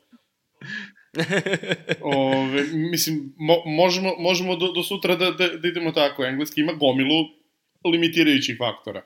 Koliko će se ti limitirajući faktori videti, zavisi od taktike i to je Southgate jako lepo krio u prethodnih 4-5 godina, ali je za uzvrat gubio neke stvari na, na, na drugim stranama i ono što je jako bitno, najveći limitirajući faktor engleske je mentalitet njihovih igrača, e, zato što Engleska je po prirodi e, nacija koja je velika futbalska sila, čak i kada nemaju elitni tim, i imaće bar 10-12 ozbiljnih zvezda na turniru, od kojih bar 4-5 neće moći da uđe u tim, ove, pošto će morati da igraju dvojica, trojica koji nisu zvezde, da bi mogli da ispokrivaju sve ovo što je potrebno. I šta onda? Dakle, kako održati e, mentalno, mentalno stanje ekipe u kojoj ima vid, vidljivo nezadovoljnih igrača. I to, to će biti najveći izazov za Southgate, Southgate je već generalno ja, Dobro, South, javnost Southgate ne veruje, je, da, uh, igrači do pola veruju. Mnogo, mnogo tu ima pitanja da li je Engleska dovoljno dobra da, da, da sruši Francusku, Španiju, Portugal, te ekipe koje su stvarno dobre. Međutim, Vidi, na, na nivou grupe, psihološki... pošto smo još uvek na nivou grupe, ništa od toga nije relevantno. Danska, ova danas je dosta slabija nego 2021. Uh, I isto je tim koji se nalazi u nekoj čudnoj fazi, dakle ne ide ni na dole ni na gore, u nekoj vrsti je tranzicije, ali još uvijek uh, Kasper Julman nije imao kohones da preseče i ostavi ove 35-godišnjake i fizičke 50-godišnjake, iako imaju 31 u pasošu, ovaj, van tima, i da krene sa novom generacijom koja će da ga nosi 10 godina. Ove, I u problemu je, Srbiji, limiti Srbije su jasni, i četvrti tim iz grupe, jel te, Slovenija koja je ekipa vrlo su, suženih Kako misliš, limiti Srbije? Hm? Do Tokija je to. to. da, da, da. Jeste prema na tu stranu, ali na drugu je kratka. Tako da, ovaj, tako nikad nije otišla dalje od Karlovaga, ali tako? Tako da, tako e, sve o svemu onako, ne, ne vidim ko bi mogao Englezima na bilo koji način to da... Trsta, ali ne, veze sad. E, ja se toga ne sjećam. Ove... Kako ovo rekao, tužno kao. Da. A volao bi da kako, sam mogao da navijam za Poncijanu. Kako mi, volao bi da sam mogao da navijam za Poncijanu i ovako, pre, pre, prerano je otišla.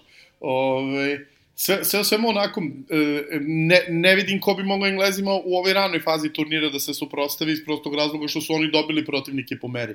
Ali je je, jedan od razloga zašto, mislim, po, postoji nekoliko razloga za, zašto je atmosfera u Srbiji takva kako, kako si opisao. Prvo, Srbi su narod koji je takav kakav jeste, a to je, e, Srbi su složni oko toga da živimo najgori Nebeski. najgori ovaj period u istoriji srpskog futbala u trenutku kad su uh, Zvezda i Partizan na najboljim pozicijama u istoriji svojim u Evropi i kad je reprezentacija igrala 3 od 4 turnira što nije uradila bukvalno nikad, zapravo ni Jugoslavija to posle 62. nikad nije uradila da igra 3 od 4 turnira sa svim republikama zajedno. Ove, dakle, de facto su rezultati na strani Srbije, ali to javnost neće prihvatiti. Druga stvar, postoji taj odijum uh, zbog svega što se dešava van futbalski, raznih izjava, pristupa i svega ostaloga, ali ove, postoji i ta stvar da, da davno nije bila tako jasna hijerarhija u grupi koju igra Srbija. I mislim da je to, to Tako dosta je. mučilo srpsku javnost, to, taj nedostatak hijerarhije na ovim prethodnim turnirima na kojima je igrala, jer je a, srpska javnost verovala da je druga po snazi 2010. kad je imala Ganu i Australiju u grupi, da je bolja od obe, verovala je da je u najmanju ruku ravnopravna sa švajcarcima, jako su švajcarci igrali dva prethodna turnira i, i ovo puta prošli grupu 2018. A 2020. drugi su mislili da su dosta bolji od švajcaraci od Kameruna. Pa ja sam zbog toga i rekao da, da nikada nije bilo ovoliko, ovoliki pa, manjak sa, optimizma sa, sa ti kažem, iz, mislim, iz objektivnih razloga. Postoje, da. postoji brojevi koji to govore, nije metoda nije baš naučna, ali eto ja sam pustio one dve ankete pre nego što je napravljen žreb, 67% Srbije ispada u grupi. Kad je napravljen žreb, 67% Srbije ispada u grupi. Ove, ove preostale 23-22 pre i posle žreba, 5-5, 6-5. Dakle, nema više ono četvrt javnosti veruje u najmanje polufinale svetskog prvenstva, nema svi sigurni da, da se grupa prolazi, e, ali, ali to je realno. Srbija je izgubila Danske u svežem sećenju tri puta. Dakle, dva puta u grupi za Euro 16 i jednom u prijateljskoj utakmici prošle godine i sve utakmice su završene razlikom većem od jednog gola, gde je Danska rutinski mogla da dobije ubedljivije svaku od njih.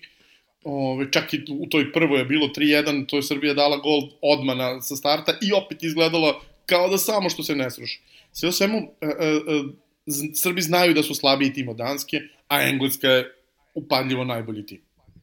E sad da, da porazgovaramo, Miho, da nam Lada se nije dokačio, prošli smo i kroz Dansku i kroz Englesku, ali nije, nije govorio o Sloveniji. Slovenci su kompaktni i ono, što bi rekli ljudi, ono klasično slovenačko, pružaju se koliko su dugi. Sa ovom ekipom imaju neke mlade, talentovane igrače, ali ne, ne deluje da im je pik kvaliteta, ne znam koliko visok, ali će oni izvući maksimum, bit će vrlo pragmatični i radit će stvari koje oni rade da bi ostvarili rezultat. Kako ti vidiš Sloveniju, pa ćemo onda na, za kraj pričati o, o kontekstu svake reprezentacije protiv Srbije. Kako ti vidiš Sloveniju, oni su se plasirali na ovo prvenstvo, igrali su jako dobre kvalifikacije, to ne treba zanemariti. A, znaš šta, Slovenija je toliko daleko otišla da je se više niko ni ne smatra Balkanom to je mentalitetom sličnije Njemačkoj nego išta nam. I tako otprilike igra. Oni imaju Matijaža Keka na klupi, oni imaju svoj blok iz kojeg grade sve što imaju, imaju Šeška koji je po meni fantastičan igrač, vidio sam da je Vlado uh, pisao dosta biranim riječima o njemu i s tim se maksimalno slaže. Mislim da je njegova eksplozija se čekala neko vrijeme, možda su u Red Bullovom sustavu očekivali i ranije, nije imao malo ni sreće šta sa ozljedama, šta sa svim ostalim šta, šta prati taj korporativni nogomet, ali mislim da je Šeško sad na rubu svoje eksplozije i da on je neko ko tu momčad obogaćuje i ko tu momčad dovodi u, dovodi u situaciju da se ima čemu nadati. Ali imaš još taj jedan faktor. Kad je Kek vodio rijeku, s rijekom je bio prvak Hrvatske, jedini koji je skinuo Dinamo u zadnjih 20 godina. A, kad je Kek vodio rijeku, rijeku koja je igrala Europu, ozbiljnije nego što je Dinamo tada igrao, rijeku koja je osvajala druga mjesta u HNL-u bez ikakvih problema, rijeku koja je non stop mijenjala igrače, bio ti jedan faktor koji se ponavljao. To je da je napadač uvijek imao 20 golova. To je bilo top napadač. Tu je bio Andrej Kramarić koji je zabio skoro 30 za polusezonu. Ali je bilo i vrlo skromnih igrača vrlo, vrlo skromnih igrača koji nisu ni prije ni kasnije zabili 10 plus golova, kod njega su bili na 15. Jer on svoje napadače uvijek kroz tu jednostavnu igru, kroz to 4-4-2 pa probijanje ono, iz sredine na bok pa nazad u sredinu, on na taj način napadače dovodi u šanse i sad kad se vratimo na Šeška, mislim da je, da je to match made in heaven i da, da može Europa vrlo brzo upoznat tog Šeška kao nekoga ko, ko se našao u tom sistemu i ko tim zabadanjem u kazneni prostor, napadanjem prostora iza leđa stopera ko dolazi u šanse i ko na ovom svjetskom prvenstvu gdje Slovenija prvo nema kompleks, nema to, tu to loženje, mi smo drugi, mi smo prvi, mi, smo, mi moramo, oni to nemaju, jer, kažem, mentalitet je puno slični Austriji nego Hrvatskoj, a druga stvar, ima mogućnost da to radi. Pogledaj im kvalifikacije, pogledaj im, pogledaj im ove sve utakmice unatrag, nije da oni to trebaju razviti, oni to imaju, samo trebaju iskoristiti. I mislim da se na njima može vrlo lako vrlo lako izgubiti bodova koje su, ja mislim, Srbi već nekako uračunali. Pa, to sam ja pisao u tekstu odmah posle žreba za nedeljnik. Nema šanse da Srbija ne podceni Sloveniju. Nema šanse da se desi da neko zaista pristupi, ne računam ljude koji rade, koji pišu tekstove za velike priče ili analiziraju u različitim podcastima ili ljude koji se zaista bave i futbalom na malo dublji način, ali nema šanse da javnost ne upiše već bodove protiv Slovenije, bez obzira na njihove kvalifikacije, bez obzira što su oni bez dileme mnogo bolje vođen tim od Srbije. Srbija je u ovoj grupi mimo igračkih kvaliteta najgore vođen tim. Druga stvar je što, što je stvarno Onako, dobar broj igrača. ozbiljne konkurencije. Misliš na Dansku, jel? Ne, mislim, prevaskodno na Englesku, a onda i na Dansku, tako da Slovenija odskače pa ali... po kvalitetu vođenja. Pa znam, ali ipak koliko god da je Southgate i pod, podcenjen i sve, ne mogu da ga uporedim sa Pixijem. I, i to, to, tu stvarno, to su dve ravni koje veze nemaju jedno s drugom. Ali, ali mislim da je i pored toga da, da je dobro broj igrača Srbije na silaznoj putanji. Vlada je to odlično napisao u tekstu o Pixiju, ima jedan segment koji je, da je detaljno u 3-4 pasusa ispisao samo gde su ti ljudi bili na, pred, pred Katar, a gde su danas? Ili gde su bili pred e, Rusiju, a gde su danas? I ne, to po, je... Posle utakmice sa Portugalom, dakle, to je ključni trenutak razvoja srpskog futbola. I to. Ekstremni optimizam je posledica prve velike pobede posle 12 godina i toga što su ti svi na uzlaznoj putanji, a onda puf.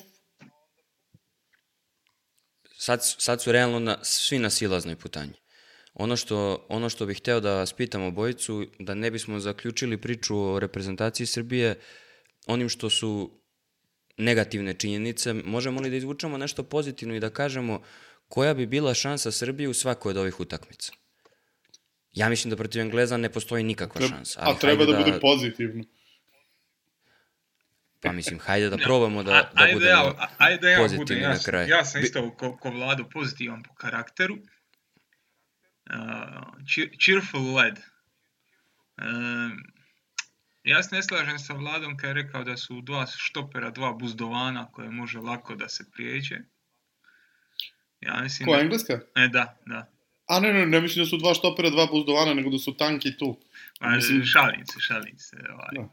A, mislim da, da je njima golman jedina prava, ona, ona, ona crna točka. A, Koliko ja mrzim tog čovjeka, ja vama ne mogu da, da, da objasnim to. Nije hrišćanski, verovatno mrzeti, ali ja njega ne mogu očima da vidim. Dobro, ti si skauser, tako da to, vam, to je vaša interna stvar. Pa Znam, ali... ja ni luk je jeo, ni luk stvarno- miriso, ali brate, da imaš obraza, sam bi se sklonio. Majke, ja, bi, ja se ne bi odazvao, rekao bi ne mogu, Ne, stvarno, im, im nisam boli, psihički boli spreman. me zadnja loža, ne mogu. Mislim, kad ti pogledaš Pickford je relativno mlad dečko, ima 29 godina. On je natukao 60 nastupa. On A je natukao 60 nastupa. Sa onom friz, frizurom je četiri godine stariji, znači sa, sa onom frizurom odmah četiri godine. This is. England.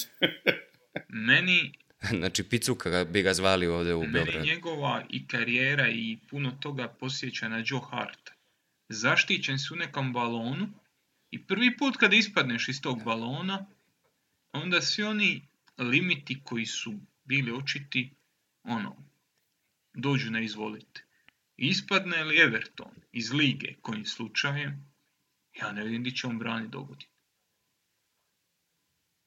Ja bih rekao da. Da u Premier ligi imaš šta na, na vratima, šta na klupama, imaš 25 kvalitetnih golmana od njega. Sigurno. Ma da, bez pret... A, a engleska reprezentacija ima, Englezi imaju, ja ne znam, ajde da ne preteram, ali da kažem tri bolja golmana od njega. A dosta je da imaju Nika Poupa i zdravo, Pa, naravno, zdravo. Ali, evo, Jordan Pickford, prva jedinica Engleske, poštujemo različitosti, budimo parlamentarni. I Znači, misliš da je on slaba tačka i da Srbija može on da je iskoristi najslabija to? točka te momčadi i zašto, zašto ne iskoristiti to? Zašto ne provući neku loptu iza, iza njegove guzičetine? Vlado, šta ti misliš za Dansku? Ajde ti kaži, da li Danska, rekao si da nije dobro, preterano dobro vođena, da ovaj nije bio u stanju da se odrekne nekih igrača kojima je krštenica odavno požutela ili je objektivno stanje da, da su stvarno stariji nego što, od, svojih godina mnogo zbog različitih nesrećnih okolnosti. Šta misliš da je Danskoj slaba tačka koju bi Srbija mogla da eksploatiše kad bi imala pameti da se pripremi da eksploatiše slabe tačke svojih protivnika? Danska ima dve slabe tačke, jedna je golman, zato što je Kasper Schmeichel očigledno ono, kad, ti golman dođe do neke tačke pa ti onda potone nešto kao Igor Loris u, u jednom trenutku i za Spursa i za reprezentaciju.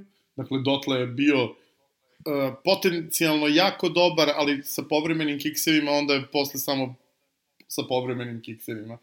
Ove, Sve što mislim o, o Pickfordu, sve suprotno mislim o Schmeichelu. ali je problem u tome što, što uh, to je trebalo rešiti tokom ove ovih kvalifikacija. Međutim, kvalifikacije su krenule porazom od Kazahstana, potpuno neplanirani, vodio si 2-0 i onda su morali da se jure bodovi i desilo se šta se desilo.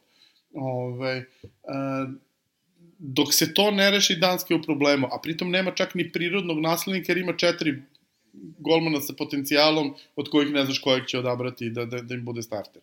A ni jedan nije sigurno wow. Drugi problem koji Danska druga ima je, je ono što je standardna slaba tačka Danske i koja se ispoljila uvek u poslednjih e, 14 godina, osim na evropskom prvenstvu 2020, a to je ove, što Danska ne ume da da gol. E, Danska ima, e, kad god igra Christian Eriksen, kontrolu utakmice, posed lopte, stvaranje mnogo šuteva, um, sve vreme su protivniku u krilu. Dakle, Danska je neka vrsta uh, uh, mini Španije, ne baš ekstremne kao Španija, ali neka vrsta mini Španije što se tiče uh, odnosa kontrola utakmice naspram uh, završnog produkta ovaj, kad je Eriksen na terenu. Onog trenutka kad je Eriksen ispao iz priče sticajem okolnosti, Danska je odjednom počela da igra užasno direktno, da stvara mnogo prilike i da daje mnogo golova na euro. I postala super atraktivna i onda se Eriksen vratio i odjednom je opet igra se uh, prespojila unazad na, na, na, na minus 40%,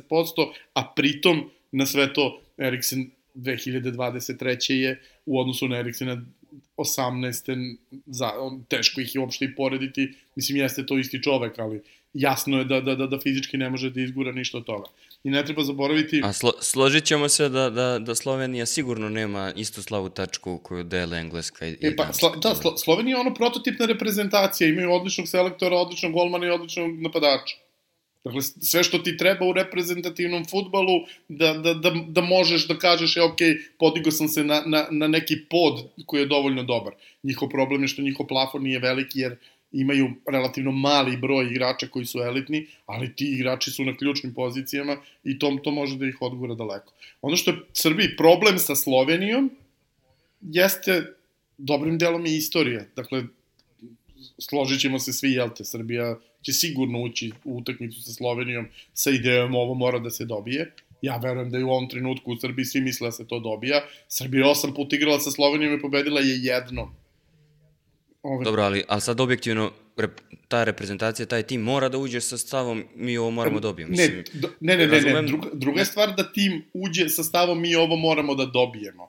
Ne, pričamo o stavu mi ovo dobijemo, mi smo ovo dobili. To je stav koji će imati Srbija. Ovo, je utakmi, ovo su naša tri boda. A ti ta tri boda tek treba da osvojiš protiv ekipe koja ima elitnog golmana i koji ima elitnog napadača koji pritom u sebi ima, zapravo super je poređenje Slovenije sa Austrijom. Austrija ima fantastičnog selektora i ima uh, ludaka napred u, u, u, u liku ovaj, Marka Arnutovića koji je u stanju da ti nešto izmisli da ti da gol.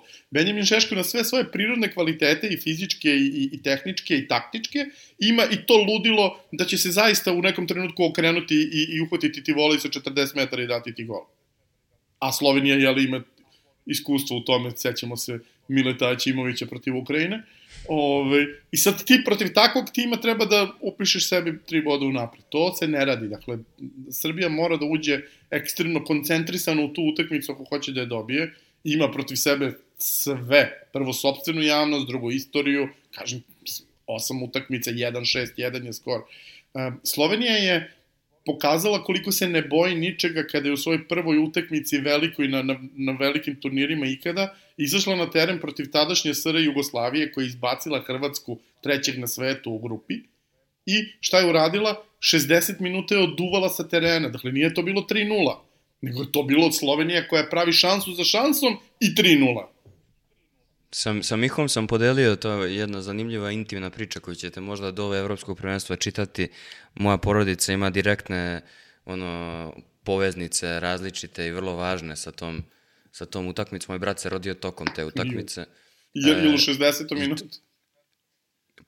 Nećeš puno pogrešiti i ima vrlo zanimljivu celu predistoriju i to on se rodio u osmom mesecu, potpuno potpuno je sve bilo suludo i, i ta utakmica je suluda, ali kapiram da dobar deo javnosti, nema, možda im se nije rodio brat kao meni tokom utakmice, ali mnogo ljudi ima emotivnu povezanost sa, tim, sa tom utakmicom, jer je tu Jugoslavija gubila 3-0, imala igrača manje, Mihajlović je popizdeo, napravio problem i isključenje i onda su I to, Dudović i to nak, i nakon što je, što je poklonio loptu za 3-0?